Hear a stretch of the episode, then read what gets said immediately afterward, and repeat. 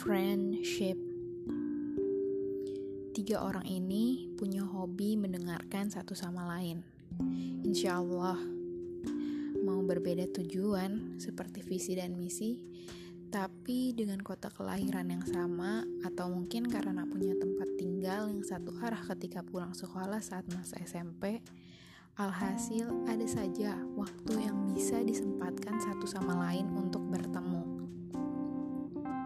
ini contoh satu dari ribuan atau mungkin lebih pertemanan di luar sana yang perlu untuk kita jaga. Bukan berarti sudah nyaman di satu pertemanan lalu enggan untuk ikut pertemanan lain.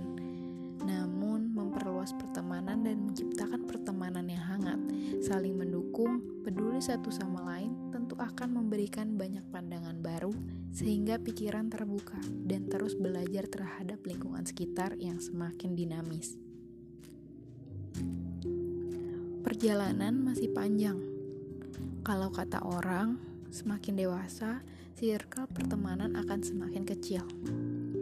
Jadi, dijaga ya pertemanannya.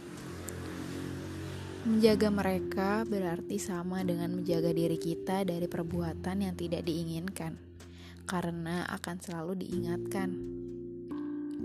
Meski circle pertemanan nanti semakin sedikit, jaminkan bahwa suatu saat nanti tak ada orang yang satupun merasakan kesendirian tidak punya teman. Pastikan kita salah satunya yang menegur sapa dan meyakinkan ia yang sendiri bahwa kita masih bersama-sama.